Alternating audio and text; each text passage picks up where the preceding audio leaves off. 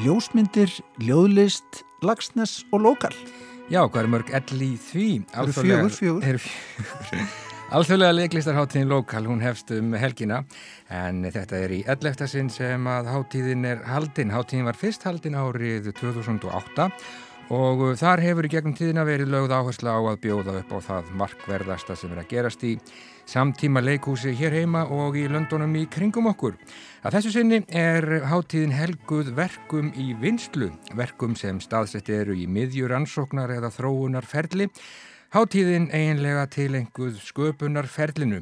Evarún Snorradóttir, listrætt, stjórnandi lokal og Ragnar Ísleifur Bragason, sviðs Þau verða gestir viðsjár hér rétt á eftir og segja frá lokal. Ef þú hefur fylst með blöðunum í kringum aldamóti 1900 þá er líklegt að hafa vita hver maðurinn Pike Ward var. Já, ég fylgist ekki með þeim. Hann var hér á Íslandi þá. Við lítum við í þjóðminjasafni Íslands og skoðum síningu á ljósmyndum eftir þennan mann, Pike Ward. Hann var breskur fiskkaupmaður og útgerðamaður. Var á Íslandi um aldamóti 1900. Við ræðum við Ingu Láru Baldvinsdóttur, fagstjóra ljósmyndasaps Íslands í þætti dagsins. Já, þetta er alltaf flottar myndir. Ekki? Mjög forveitnilega. En á dögunum þá komu út um, nýjar útgáfur á tveimur þekktustu skáldsögum Haldórs Lagsnes, Sölkuvölku og Sjálfstæðu fólki sem ætlaðar eru framhaldsskóla nemum. Útgáfurnar eru með venjulegri nútíma stafsetningu og orðskýringum. Í viðsjá í dag verður spurt er ungt fólk hægt að geta lesið verk Lagsnes án nýðanmálsgreina og útskýringa. Fyrirsförum verður Odni Sigur Rós Jónsdóttir sem rittstýrir þessum nýju útgáfum. Og okkar maður í bókmentaríninni, Gauti Krismansson, hann fer í gallan í dag og fjallar um nýjútkomið ljóðaórval Gerlaugs Magnússonar, hundrað ljóð sem við heyrðum af hér í þættinum á dögun. Nákvæmlega, en eh, við byrjum í dag á Lókal.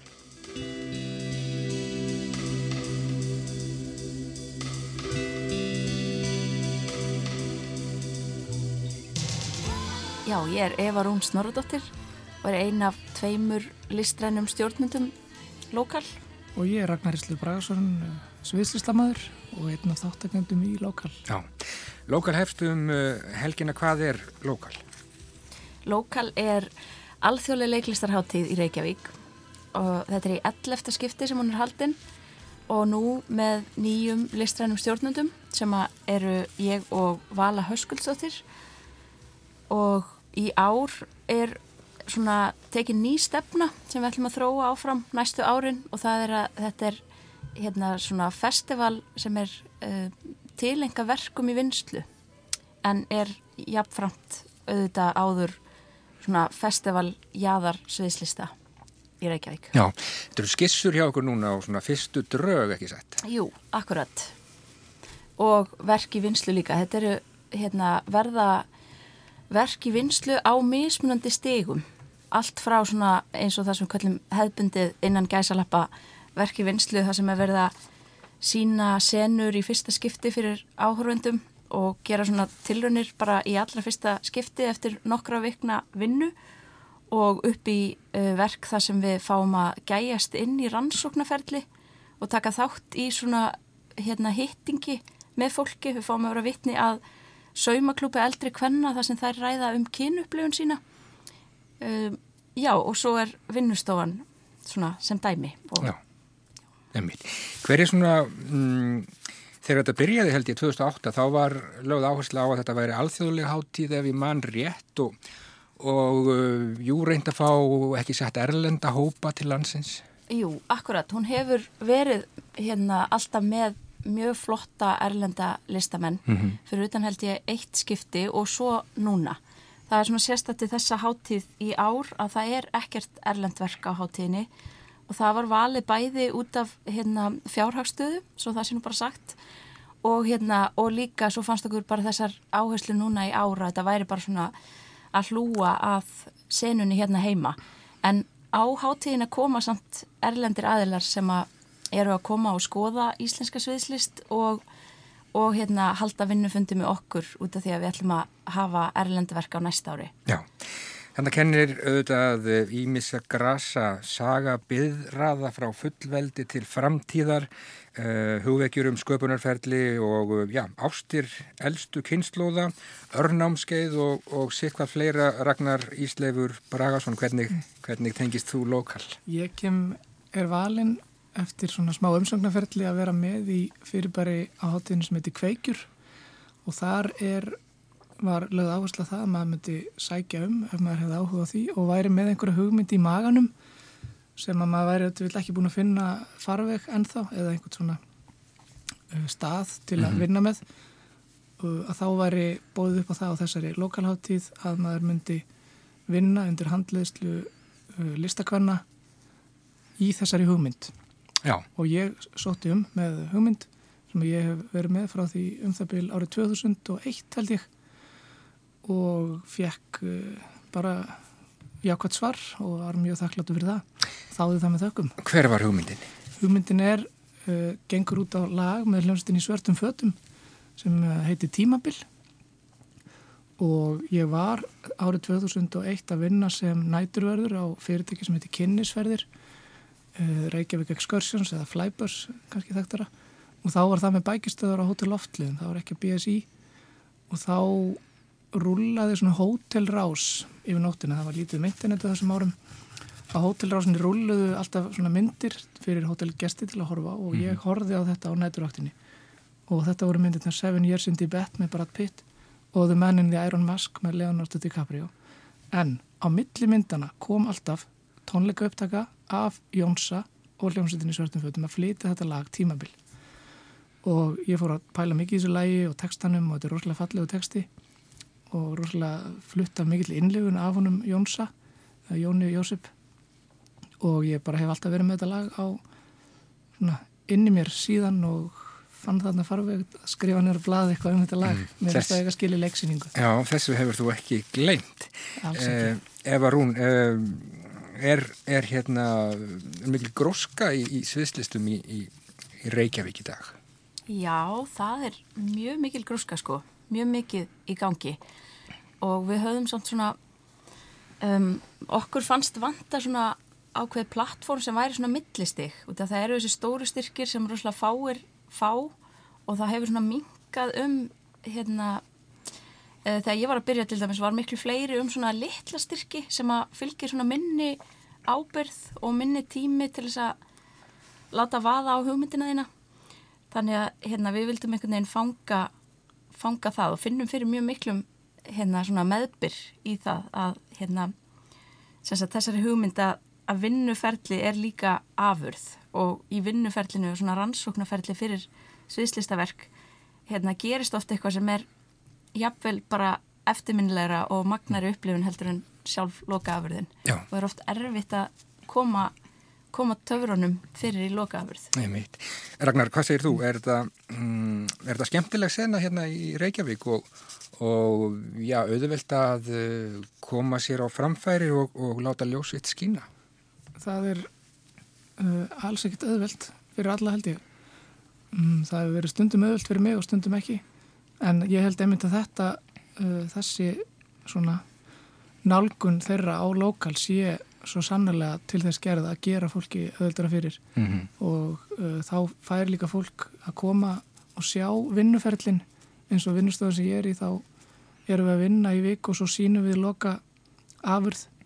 Þannig að ég held að að aðgengið að sviðsista svona senunni muni aukast með þessari hátíð. Já, einmitt.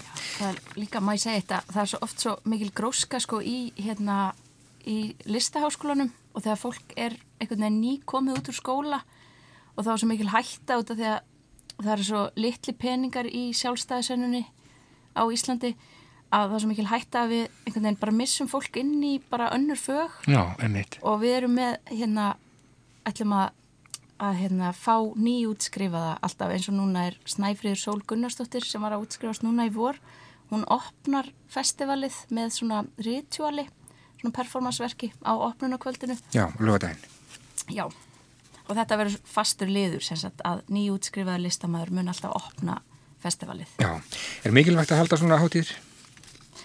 Já, bara rosalega mikilvægt Hvað segir þú Ragnar? Ekki spurning. Mm -hmm. Um, allar hátir eru mikilvægar, myndi ég segja. Og þið ætlaði að byrja á um, laugardaginn, þá er opnunar uh, hátíð og þetta stendur hvað lengi? Þetta er til síðasti dagurinn þegar hérna, við fáum að sjá afurðir frá vinnustofunni er laugadaginn 22. september, nei, fyrir ekki, sunnudaginn 22. september. Já, og þetta fer að miklu leiti fram í tjarnarbíói þótt að þið dreifið nú reyndar aðeins úr ykkur líka og það er frittinn á alla viðbúrið þannig að Já, þetta er mjög handtækt og, og, og ætti ekki að, já allavega peningurinn þarf ekki að, að hindra fólki því að, að njóta sviðslista næstu daga. Nei, ég allavega, ég allavega uh, held og hef heyrt það að Jónsi allavega koma að sjá verkið mitt. Nú, þá er deginum bjargað. Jón Jósef.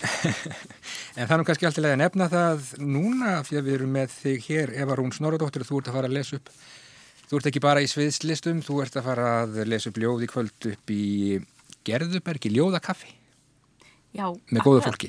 Já, á samt mjög skemmtilegum hópi Já. skálda þannig að ég, ég mæli með að mæta það er alltaf gaman að koma í Gerðuberg líka. Nákvæmlega. Fyrst ljóðlist og svo sviðslistir, ég segi bara til hamingu með hátíðina svona fram í tíman og ég vona þetta gangi bara allt saman ljómandi vel. Ég segi takk fyrir komuna í Víðsjá, Eva Rún, Snorradóttir og Ragnar Ísleifur Bragason, takk kærlega og gangi ykkur vel. Takk.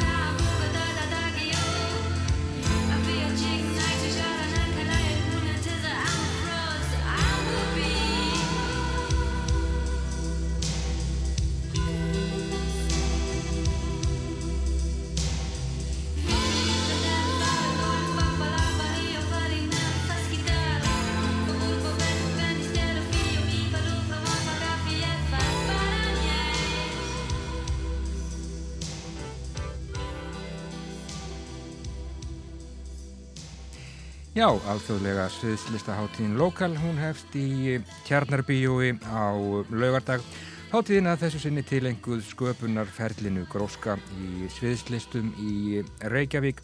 Segja þau Eva Rún Snorradóttir sem er nýr listrætt stjórnandi Lokal á samt völu Höskuldsdóttur og Ragnar Ísleifur Bragason sviðslistamaður sem tekur þátt í háttíðinni að þessu sinni. Þá snúum við okkur að ljóðlist hér í Vísjá, Gauti Krismansson bókmyndagagreinandi þáttarins tekur við.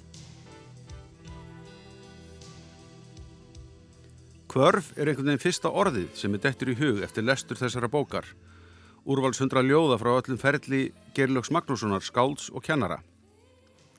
Vera kann að þar síu undir áhrifum ágætra rittgerðar eftir Einar Ólafsson sem fylgir með og fjallar um æfi og aðala skáldskap Gerlöks. Föður missir á bassaldri, dóttur í Pólandi sem ekki fekst samband við, skilnaður og loks vissan um dauðan vegna veikind af krabbamenni. Þetta er ekki beinlinis viðfónsefni ljóðana nema kannski aðeins þess fyrsta og síðasta En við finnum virkisefni sem snúast mikið um ljósaskipti, daga og nætur, en einnig fugglan í náttúrinni sem geta verið svo hillandi nálegir og fljúa svo snart á brott. Það er mikið rétt sem stendur aftan á bókinni að það sé mikill fengur að þessu hundra ljóða úrvali. Ljóðabækur gerlögs hafa lengi verið ófáanlegar og ekki síst þær sem kom út í sjálfsútgáfu og helst var kannski drift á mokkakaffi að sögn einas. Gerlugur hófst handa við ljóðótgáfi sína um miðan 8. áratýjun og það var tími sjálfsútgáfu eins og framkemur í viðtali hans við Jón Kalman Stefánsson sem vittnaði til í áðunemndir rítgerð. Sákabli íslenskrar bókmyndasögu ætti raunar góða rannsók skilið.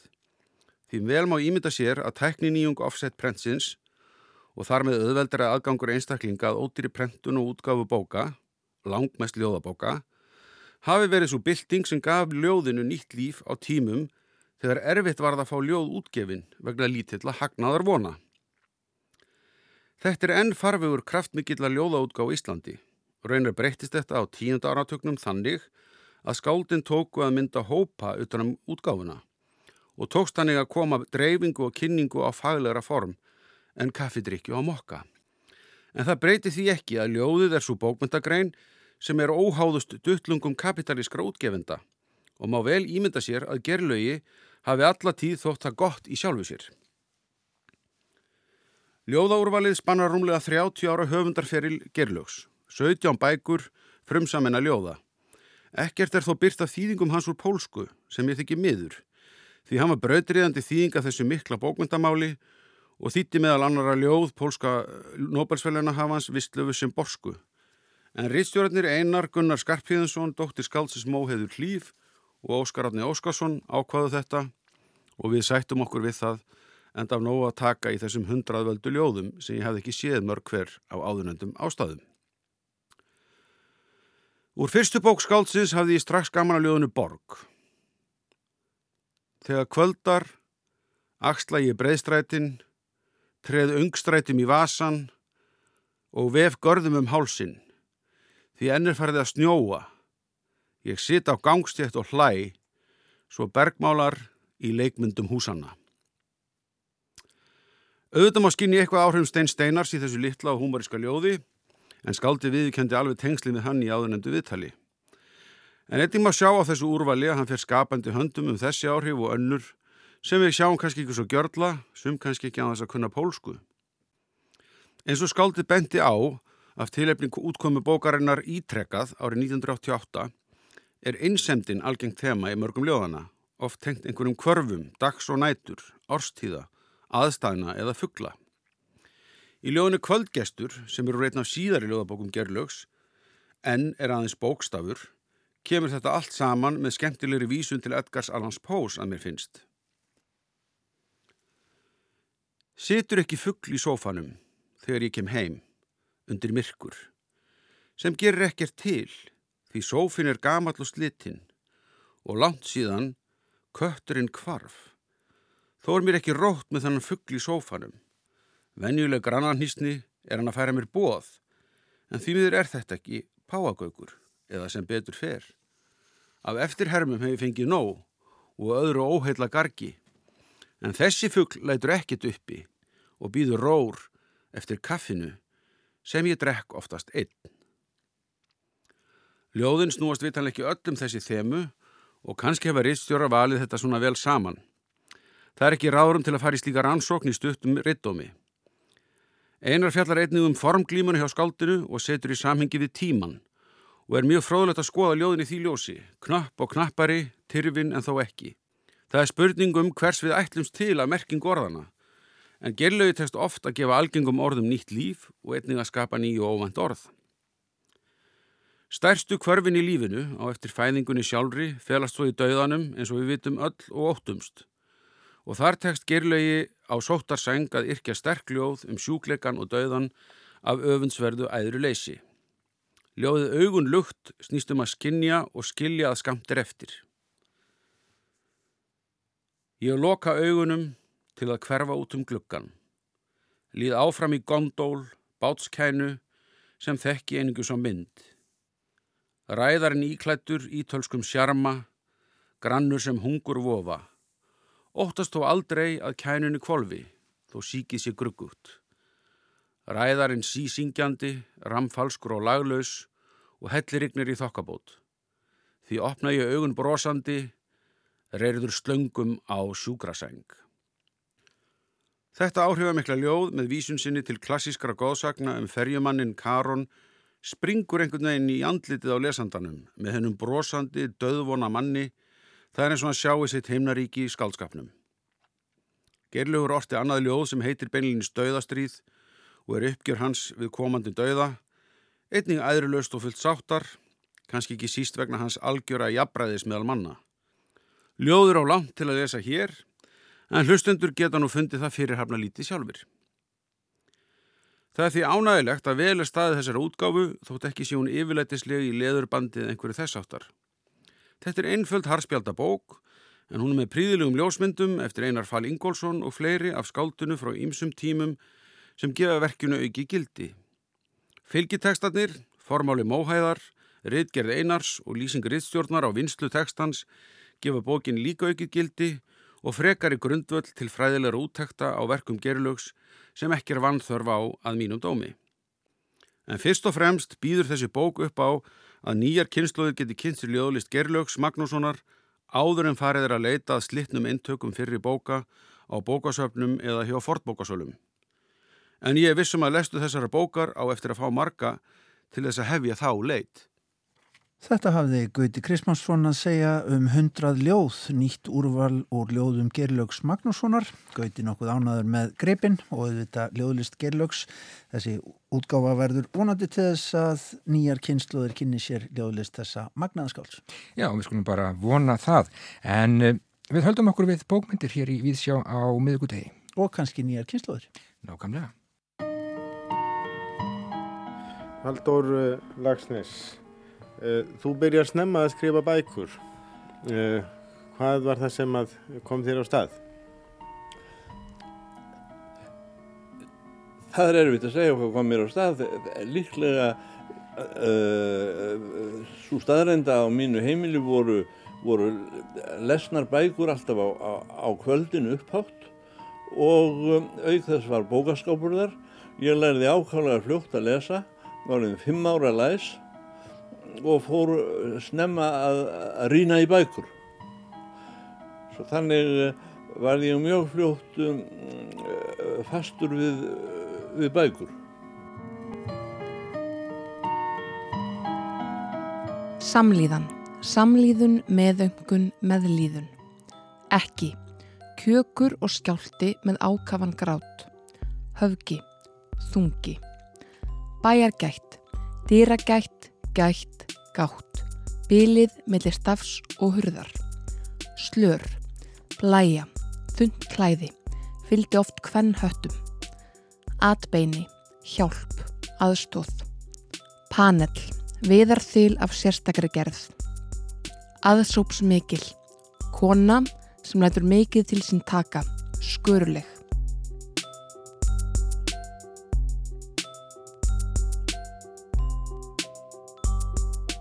Snærós Sindradóttir er hér ekki að lesa upp úr orðabók Árna Böðvarssonar. Nei, hún er að lesa njeðanmáls greinar úr splungunýri útgáfu á tveimur skáldsögum eftir Haldur Lagsnes.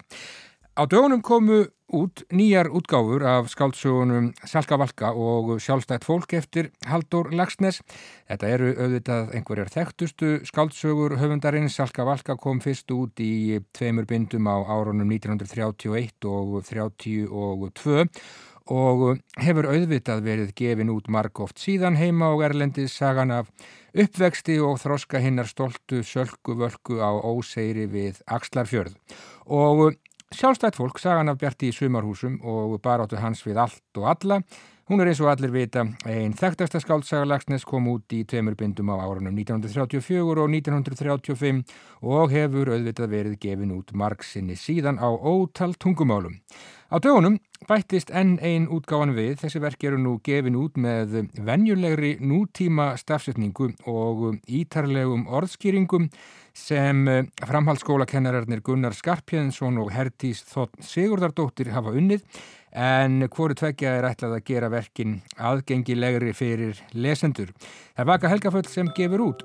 Ég var einbyrni, ekkert sem trublaði nema, nema, nema hún amma mín sem var alltaf að segja mér sögur. Og, og þó engum og sérilagi þölur sem að hún kunni enþá meira og undarlegum skálskap Eh, sem að ég hver ekki hitt fyrir ég síðar eh, sumtaði og, og eh, allmart er mjög erfitt að, að ná, ná í eða finna á prenti þó að það takist kannski. Eins og til dæmis skálskapur Þorláks Prests Þórarinssonar sem enginn hefur heilt talað um síta, sirkja, harma, næturgagn, koppur. Þessar útgáfur eru ætlaðar framhaldsskólanemum í því skyni já að gera verkin aðgengilegri en Lagsnes notaði auðvitað á sínum tíma orð sem voru jafnvel hverki til á bókum hann fór um landið og sapnaði orðum og notaði í sínar eigin bækur. En er nú svo komið að við eða kannski helst unga fólkið, engum og sérilegi, Erum hægt að skilja verk Haldórs Lagsnes er svo komið að við getum ekki lesið skálsögur hans hjálpar laust og án nýðanmáls greina. Otni Sigurrós Jónsdóttir er rittstjóri hjá forlæginu og hún rittstýrði nýju útgáðunum. Jú, við getum við flest öll lesið skálsögur Haldórs Lagsnes án nýðanmálskýringa og, og með hans eigin stafsetningu. Mm -hmm. En krakkar í dag eru sérst, 21. aldarinnar og haldurlægtis fættist í byrjun 20. aldar Já. þannig að það bara fer alltaf sífælt meiri tími kennara í að skýra orðin í bókunumans og sumir nefnendur láta stafsetningunum tröfla sig þau, þau eiga erut með að breyta út af hefðbundinni nútíma stafsetningu mm. og þessuna bara ákvaðan við að sækja um styrk í verkefnið, fengum styrk frá þróunarsögun ámskakuna og fengum tvo uh, flinka framhaldsskólukennara í að semja orðalista, sérst annar fór í sjálfstætt fólk og hinn í sölgufölku. Ef hún væri föl, ef hún væri til sölu, tálvon, fölskvon, líkmenn, þeir sem byrja líkistu við jarðarfur. Þannig að það er tilfinning kennara að já, þessi verk séu orðindálitið fjarlæg nefnendum þar að segja um, þau fjallaðu þetta um, um gamlan tíma þó að þemun séu algjörlega klassísk og já, svo er þessi stafsending sem að kannski bara fælir frá og öll þessi flokn orð. Já og mannum finnst það alveg synd sko að því að stafsetningin hún, hún er ekki það stórt atrið að hún skuli vera einhver hindrun. Og þetta hluti af sjarmanum. Hún er hluti af sjarmanum. Uh -huh. En, en það merkilega er að við, við það að vinna við útgáfu á þessum bókum og stafsendingin var orðin bara hefðbundi nútíma stafsending, það fór ekkert engin sjarmi af verkum haldáslæksins með því að kasta hans stafsendingu út fyrir og taka nýja stafsendingu, bara okkar. En þannig verið að útskýra til dæmis í sástæði fólki orðins og fásinna sem að, já manni finnst nú að flestir ættu að skilja brauð, þar sé að prestakall, skrimta, draga fram lífið en svo er náttúrulega önnur orð sem eru sem að eru auðvitað nöðsynlegt kannski að útskýra eins og tippilsinna eða slatta eða kvistinn til dæmis. Já, já, það er alltaf fullt af orðum sem við notum jáfnvel sjálf en, en krakkar í dag þau hafa ekki þennan orðaforða og, og það bara verður að koma til móts við þau af því við viljum að börn kynnist þessum snillingi. Já, við viljum koma þessu í börnin. Við viljum koma þessu í börnin og, og, og reyðja burt hindrunum ef við getum. Já, og hann náttúrulega notar orð og lagði sig bókstæla fram um það að nota orð sem að voru já, var alltaf til á bók og ekki á orðabók einu sinni, orðum sem hann hafi kannski sapnað á, á ferðum sínum um, um landið og engin skildin um að kannski hann og einhver bóndi í Trekillisvík. Já, nákvæmlega. Þannig var það bara og hann var náttúrulega mjög mikill orðasafnari og, og okkur finnst það náttúrulega mjög skemmtilegt og, og þá við skiljum ekki orðin sjálf að þá dregur það ekkit úr ánæginu við að lesa bækunar. Nei, alls ekki. Eh, þetta er náttúrulega ekki fyrsta skipti sem að Lagsnes er gefin út með, með nútíma stafsetningu. Nei, nei. Það hafa komið út nokkra útgáfur. Núna nýlega var haldið upp á, að það voru hundra áliðin frá því að badnátturinn kom út og svo útgáfa er með nútíma stafsetningu. Já. E, Gerpla var þar að hundan komin út með nútíma stafsetningu. Já. Og svo eru til einhverja eldri skólaútgáfur. Nörðurpernin Jarðvíka á sjönda áratöknum gaf út Íslandsklukkuna með nútíma stafsetningu og skýringum ekki svona miklum eins og þessum en, en það var samt þá á sjönda áratöknum byrjað að reyna að matrið þetta meira og nýjum ungdóminn. Brask, óheiðarleg viðskipti, práng, aldurtili, dauði, dauðamein.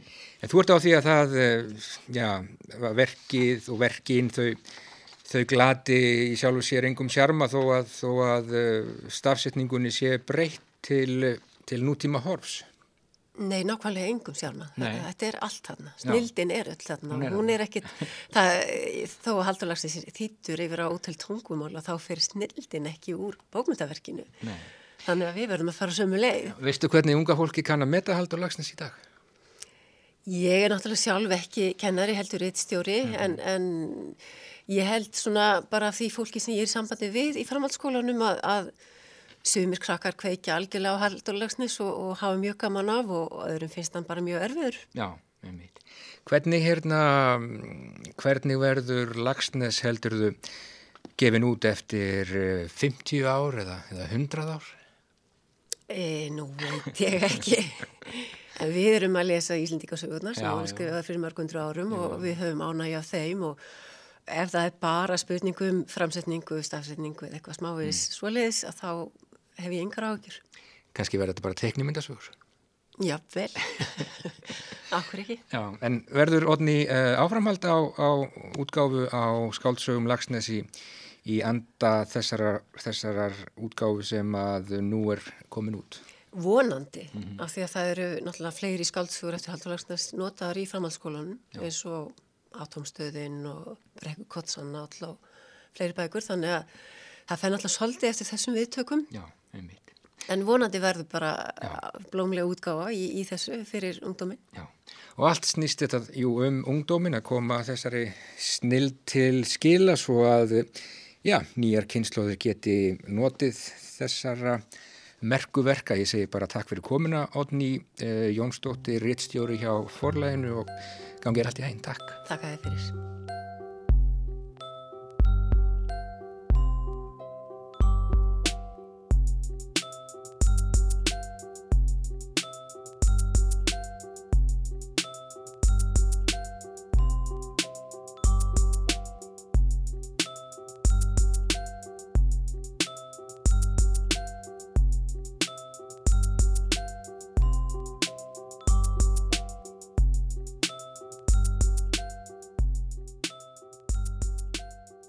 Já, Lagsnes með nútíma stafsetningu og orðskýringum, salkavalka og sjálfstætt fólk. Það má ekki minna vera orðskýringar og nýðanmálskreinar á hverju síðu. Það má minna á að Haldur Lagsnes, hann gaf á sínum tíma um miðja 20. öld út Íslendingasögur með nútíma stafsetningu svo það kemur bara vel á vondan. Þá var allt vittlust. Þá var allt vittlust. Og Jónas frá Hribluðs á raut, held ég. Já, eldraut held ég. en núna eru held ég allir róleir og kannski er, er þetta bara því Besta mál tilgangurinn, jú, að fá ungviðið til þess að kynast þessum merku verkum. Það má geta þess að tónlist í þessu einslægi. Hún kom frá hljómsveit sem að, já allavega hétt, ég veit ekki hvort hún er ennþá starfandi, hún hétt Afkvæmi Guðana, þetta var tekið af plötu sem að heitir Ævisaga, hún kom út árið 2002. Mm. En við ætlum aftur núna um eins og 100 ár að minnstakosti og ríflega það.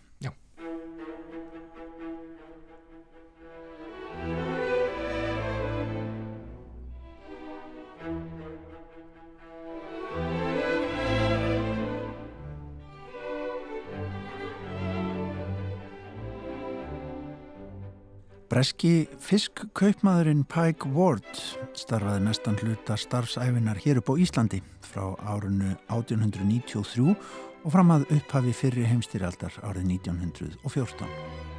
Hann hafði áhrif á þróun íslensk sjáarútvegs og þótti til að mynda nýmæli að hann borgaði íslenskum sjómunum fyrir fiskin sem þeir vettu í reyðufið.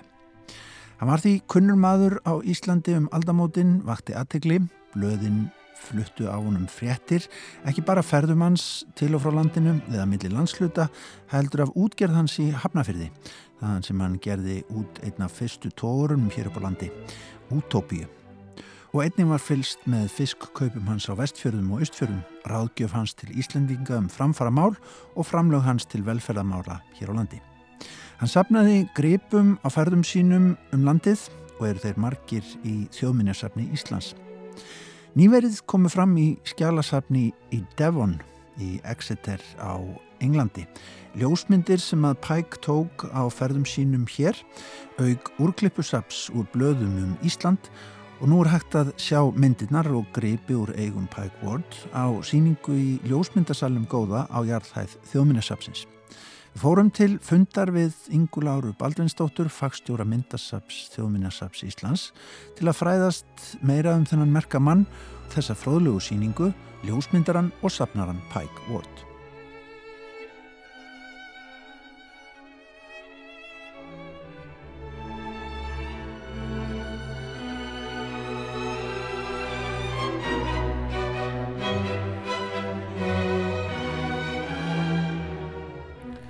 Ingalóra, þið þekkið þennan mann Pike Ward svo sem ágætlega á af góðu einu svona í sapnegn þjóðmyrðansapsins en svo fyrir nokkrum árum þá eiginlega færð þú svona tilkynningað utan frá Englandi og þú lýsir hérna í myndbandi sem er á einum veggjana þar sem að þú hafið eiginlega bara heiminn höndum tekið þegar þú hérna sérð hvað er í sendingunni og hvað dilst á sapni út í Englandi, segðu aðeins frá þessu. Já, það sagt, kom þarna fyrirspurnum hvort að við konuðust við Pike Ward og, og hér veru sagt, varðveittar átt á úrklippubækur og uh, skeitunu fylgdu sínusortna með nokkru myndum og það var alveg ljós bara við fyrstu sína. Þetta var eitthvað sem var greinlega mjög merkilegt. Mm. Þetta var Katrín Findley sem hafði samband við okkur og hún kom því svo til leiðar að það voru gerðar eftirtökur eftir öllum blaðsíðunum í þessum áttabókum þannig að, að hérna, við fengum einhverju setna sínisotna því ekki bara sínisotna heldur svona yfirsýni við kjarnan af þessu. Fyrsta lagi er þetta náttúrulega spannar þetta töluverðan tíma frá 1893 til 1915 og elsta efni það er náttúrulega svo snemma þá er engir áhuga ljósmyndar á Íslandi og hér kemur allt í hennu maður og bara í sinni fyrstu ferð þar sem hann er að þreyfa fyrir sig með fiskkaup hjá Íslandingum að þá sem sagt er hann að mynda svona það sem að ber fyrir augu þá er hann náttúrulega bara í Reykjavík en leiðist svo upp á Akarnes vegna þess að, að uh, þeir fara liðsinnunum Sigfús Emerson og Daniel Danielsson því að hann fær ekki neitt hljómgrunn fyrir þeim hugmyndum sem hann er að, að kynna. Mm. Og það var að kaupa fisk? Það var sem sagt að kaupa smáfisk sem aðrir höfðu ekki verkað fram að því.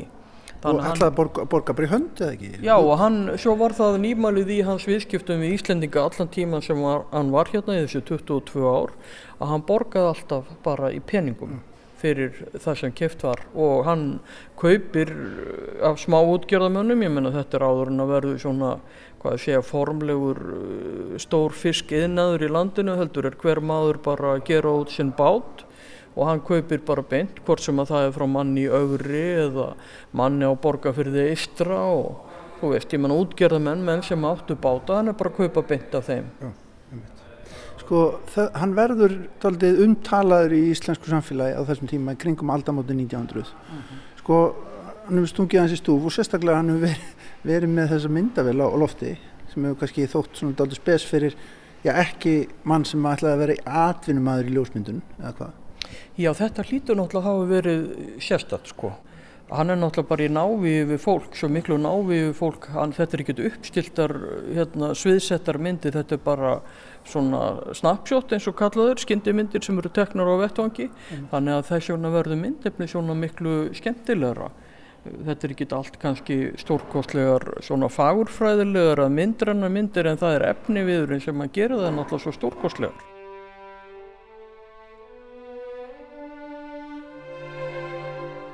En þó að það sé margt fjallað um pæk í, í íslenskum blöðum og og setna í tímaritum á 20. stöldinni þar sem er verið að reyna að gera hans þætti í, í íslenskri sjávarútvössu einhver skil, þá er aldrei minnst neitt á þessa myndatökur.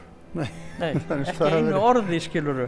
Þannig að þær hafa nú ekki verið, sko, þær hafa verið svona þó þær hafa kannski skemmt eitthvað fólki og, og það er greinlegt að eftir því sem að við fórum náttúrulega að, að þrefa meira fyrir okkur að hann hefur náttúrulega gefið fólki, einhverju fólki myndir Eh, sem hann hefur tekið. Því að það var komið í leitirna myndir eins og Seyðisfyrði sem er úr hans, hans myndasafni. Sko ef við horfum aðeins á myndefnin hann er að taka ljósmyndir af þessu daglega lífi sem kannski, já fólki í þessum samtíma hefur náttúrulega kannski ekki þótt merkilegt, ekki kannski endilega skilið í af hverju hann var að af hann var að mynda. Nei, ef við hugsaum bara, við stöndum nú hérna framan, fyrir fram að myndir sem eru frá 1898 1898 þá eru tveir ljósmyndir að starfandi Reykjavík. Tvær ljósmyndastofur, það er annars vegar ljósmyndastofa Sigfúsar Emurssonar og svo er hann nýbyrjaður að taka myndir en Átni Torstensson þannig að þú veist, það er reyngir á vettfangi að taka þessa myndir þar að vísu alveg um þetta leiti eru kannski menn byrjaður aðeins að þrefa fyrir sér eins og Viljónum finnst henni að taka svona amatörmyndir en, en það, er, þetta, það eru bara svo fáir sem hafa tækjabúnaðin og möguleikana til þess að gera þetta. Mm. Svo bara því við stöndum fyrir fram að þetta tiltekna ár, bara til þess að segja hvað þetta er, er ólíkt að þú ert hérna í Altafyrði í Kvalstöð, þú ert í Ísafjörðadjúpi þar sem er verið að skipa um borð abla frá hérna útvöksbóndum í Ögurvík Svo ertu komin að, að fylgjast með því þegar að fermingastúlk er að ganga með fjölskyldu sinni til kirkju, tómkirkjunar. Já, dásanlega mynd. Og, og þær eru sem sagt allar á hvítum kirklum sem að voru þá sem sagt tísku klaðnaður fermingastúlkna. Svo eru við bara allt í hennu komin á uppbúð og vestugötu í Reykjavík. Mm. Og vegna þess að það sem að ger, gefur þessu sérstöðu er náttúrulega það að Pæk skrifar sko eins konar svona lýsingu, stutta lýsingu undir hverja mynd mm -hmm. þannig að það stendur undir þessari mynd þar sem við horfum nú á bak, bak hérna svip manna við, við hústir mm -hmm. og sjáum nú götu númerið og maður er í dyrunum að þar sem sagt eh, stendur undir uppbóð Auction, Sheriff's Offices Já, Selling Household uh, uh, Effects eða eitthvað svona Ég menna við vitum nákvæmlega hvaða dag þetta er því svo fer maður að, svona aðeins að fara í bakgrunns, smár bakgrunnsrannsóknir og það er ekki mörg, margar götur í Reykjavík sem að ná að vera með yfir 30 hérna húsnúmer á þessum tíma. Þannig að hérna... Vestugata 38, já. 11. mæ 1898. Já. Við vitum það alveg. Já og við vitum hver það var eitthvað sem var í Vestlöfunni eða svoleiði sem að lætu standa, stendur fyrir svona uppbóði. Já, það er alls konar svona myndefni er, hérna, ég tók til dæmis eftir þegar ég var að rölda hérna um í gær það var, það var til dæmis þvottakonurnar konurnar að fara með balna sín upp í laugar við erum komið fram hjá þeim, þeim. Já, það akkurat. er akkurat held ég bara í einn af hans fyrstu ferðum þá er það eitthvað sem að greinilega vekur aðtikli Pikes ja. sem utanakundi manns við náttúrulega höfum séð fullt af myndum úr þvóttalegunum frá ymsum tímum Einu. og ég menna þær eru líka frá þessum atvinnumönnum sem voru að taka myndir en ég man ekki eftir mörgum svona myndum, myndum af konum sem eru bæði að leggja upp með orðinnan þvótt og bala á bakinu og svo eftir, eftir að hafa lappað allaveg upp í, í þvóttalögur á leiðinni tilbaka Já. með hérna hérna með, við sjáum hérna í þvottabretti og, og bala og svo þvottin. Þetta er eiginlega alveg magnaða myndir.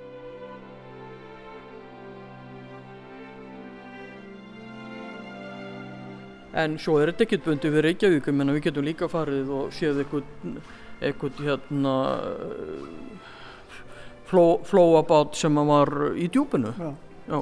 Svo er hann að taka líka svona stereoskópmyndir eða ekki svona... Jú, svo er það sem sagt hann náttúrulega eins og menn sem eru að skemmta sér og hafa svolítið peninga Já. að þá er hann ekki bara alltaf með eina tegunda vel og við sjáum það að hann, hann eignast nýjar velar og er að prófa sér áfram eitthvað og uh, það er töluvert að myndum það sem hann er sjálfur á, á, á myndunum sem hann hefur tekið uh, með snúru úr smá fjarska en upp úr svona, ég held að sé svona 1910, þá fyrir hann að taka þessar stereoskópmyndir og þær voru í rauninni í eigu fjölskyldunar ennþá. Ba þannig að barnabarnans Stephen Ward, það er hann sem að, sem að varðvitti þessar stereoskópmyndir sem eru allt í allt eitthvað um 200 en nokkur, nokkur sirpa er nú frá Magnús Ólásin en kjarnin frá Pæk sjálfum. Sko síðan eru þið hérna, því ég venni bara hrósökum með svona skemmtilega uppsetning á þessari síningu og hún er hérna lífleg og, og, og maður er svona vissum að maður getur komið hérna oft sem er mjög gott vegna þess að það er ókipið sinn hjá okkur á ljósmyndarsamni og, og skoða og skoða og skoða og reykja nefið á hann í þetta.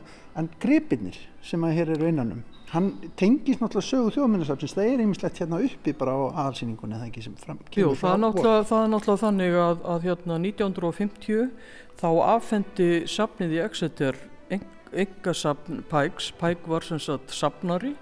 Hann er náttúrulega hérna svona lengi og er hérna ekkert, hann, þetta er ekki snýst ekki um það hann kom og fari, hann er kannski hálft ára á Íslandi, 6-7 mánuði í senn að sinna þessum, þessum viðskiptum. Þannig að, að hann verður náttúrulega svo handgengin fólki og íslenskri menningu. Þannig að hann fyrir að kaupa alls konar gripi og það er alveg frá því að vera bara agnarsmáur hlutir, silfurnappar og, og svo erum við hérna stæsti gripinu sem er á þessari síningu er skreiti sem var yfir konungshúsun og þingvöllum 1907 mm. eftir Stefán Eiríksson en við erum líka með hérna uppi í fasta síningunni altaristöflur mm. og svo framvegis þannig að hann hefur átt uh, viðskipti, hann hefur keift þessa gripi Já, Já, bæði af, af, af einstaklingum en líka bara úr kirkjum eins og ég segi Rakarna augun í, forláta speil sem já, mér fannst ansi, ansi óvinnilegur kíkjum aðeins á hann. Hvað hérna sko þetta, ég veil ekki sé neitt, neitt þessu líkt bara. Nei, Nei það má náttúrulega segja það hann hérna sko er ekki bara að sapna þessu hann, hann fer síðan með þetta allt saman heim jafnóðum ja. til hérna Englands og skreitir heimili sitt með þessum gripum. Og þetta var náttúrulega tilefni hjá okkur til þess að taka fram þessa gripi sem hafi ekki verið til sínis og gera þeim einhver skil. Og, og þær í munna sapnu sáum að að velja þetta og, og gera þetta klárt til síningar en þetta er speilin en náttúrulega alveg kunstugur eins og sumt annað. Hann er festur á tréskjöld tréskjöld og svo kæftur utanum já, hákarls eh, eh, grænlands hákarli þannig að hann eh, speilin er rammaður inn í þennan eh, settur inn í þennan kæft þetta er ákala sérkennilegu gripur. En Hansson hefur sapnað sko alls konar hlutum. Já. og uh, það eru hérna tvær myndir sem sín okkur svo hvernig hann stilti þessu upp heima hjá sér. Og, og það eru hérna hjá þessum síningarskáp. Hvar bjóð hann svo þegar hann... Hann, hann eh, bjóð í Teinmáð, það er sem sagt í Devon. Í nokkru ríki dæmi sér maður. Já, ég hausa að það hafi nú verið, hann hafi verið þokkalega staður sko. Hér sjáum við hvernig heimilið er í rauninni bara sapnhús með íslenskum sapgripum. En kannski aftur að lokum að ljósmyndunum... Uh, þið fáið, það, þetta er aldrei dýrmætt fyrir ykkur að fá þetta þessa sneið núna að utan inn í svona sín okkar á ljósmyndun og fyrstu og bara bensku árunum hennar á Íslandi, eða ekki? Jú, ég held að þetta sé fyrir alla þá sem hafa einhvern áhuga á gamlum ljósmyndum og sín þeirra á, á Ísland þess tíma, þá er þetta alveg gríðarlugur fengur og ég menna við erum hérna með alveg óvanalega mikið af myndum með að við þessum vanalegur síndar hér í þessum sal og margar myndana eru hverjum sig ekki stórar Nei. en það var að því okkur langaði náttúrulega hvort ekki sen að gefa svolítið breyða sín á þetta efni en líka endur spekla tilfinninguna sem er í þessum úrklippubókum það sem að öllu ægir saman bæði úrklippum, við erum líka með svolítið úrklippum hérna til þess að sína hann sapnaði alls konar efni um Ís Íslandi ensk, úr ennskum blöðum Þannig að hérna, fólk fái svona tilfinningu fyrir magnuna en samt er þetta bara brota því sem að þarna er varðvitt. Þetta er svona erki Íslandsvinnur. Þetta, hann, sko það er nú búið að gjaldfella svo þetta Íslandsvinnur að maður eiginlega er hættur að taka sér það um munn en ég menna ef einhver var Íslandsvinnur þá var það pækvort.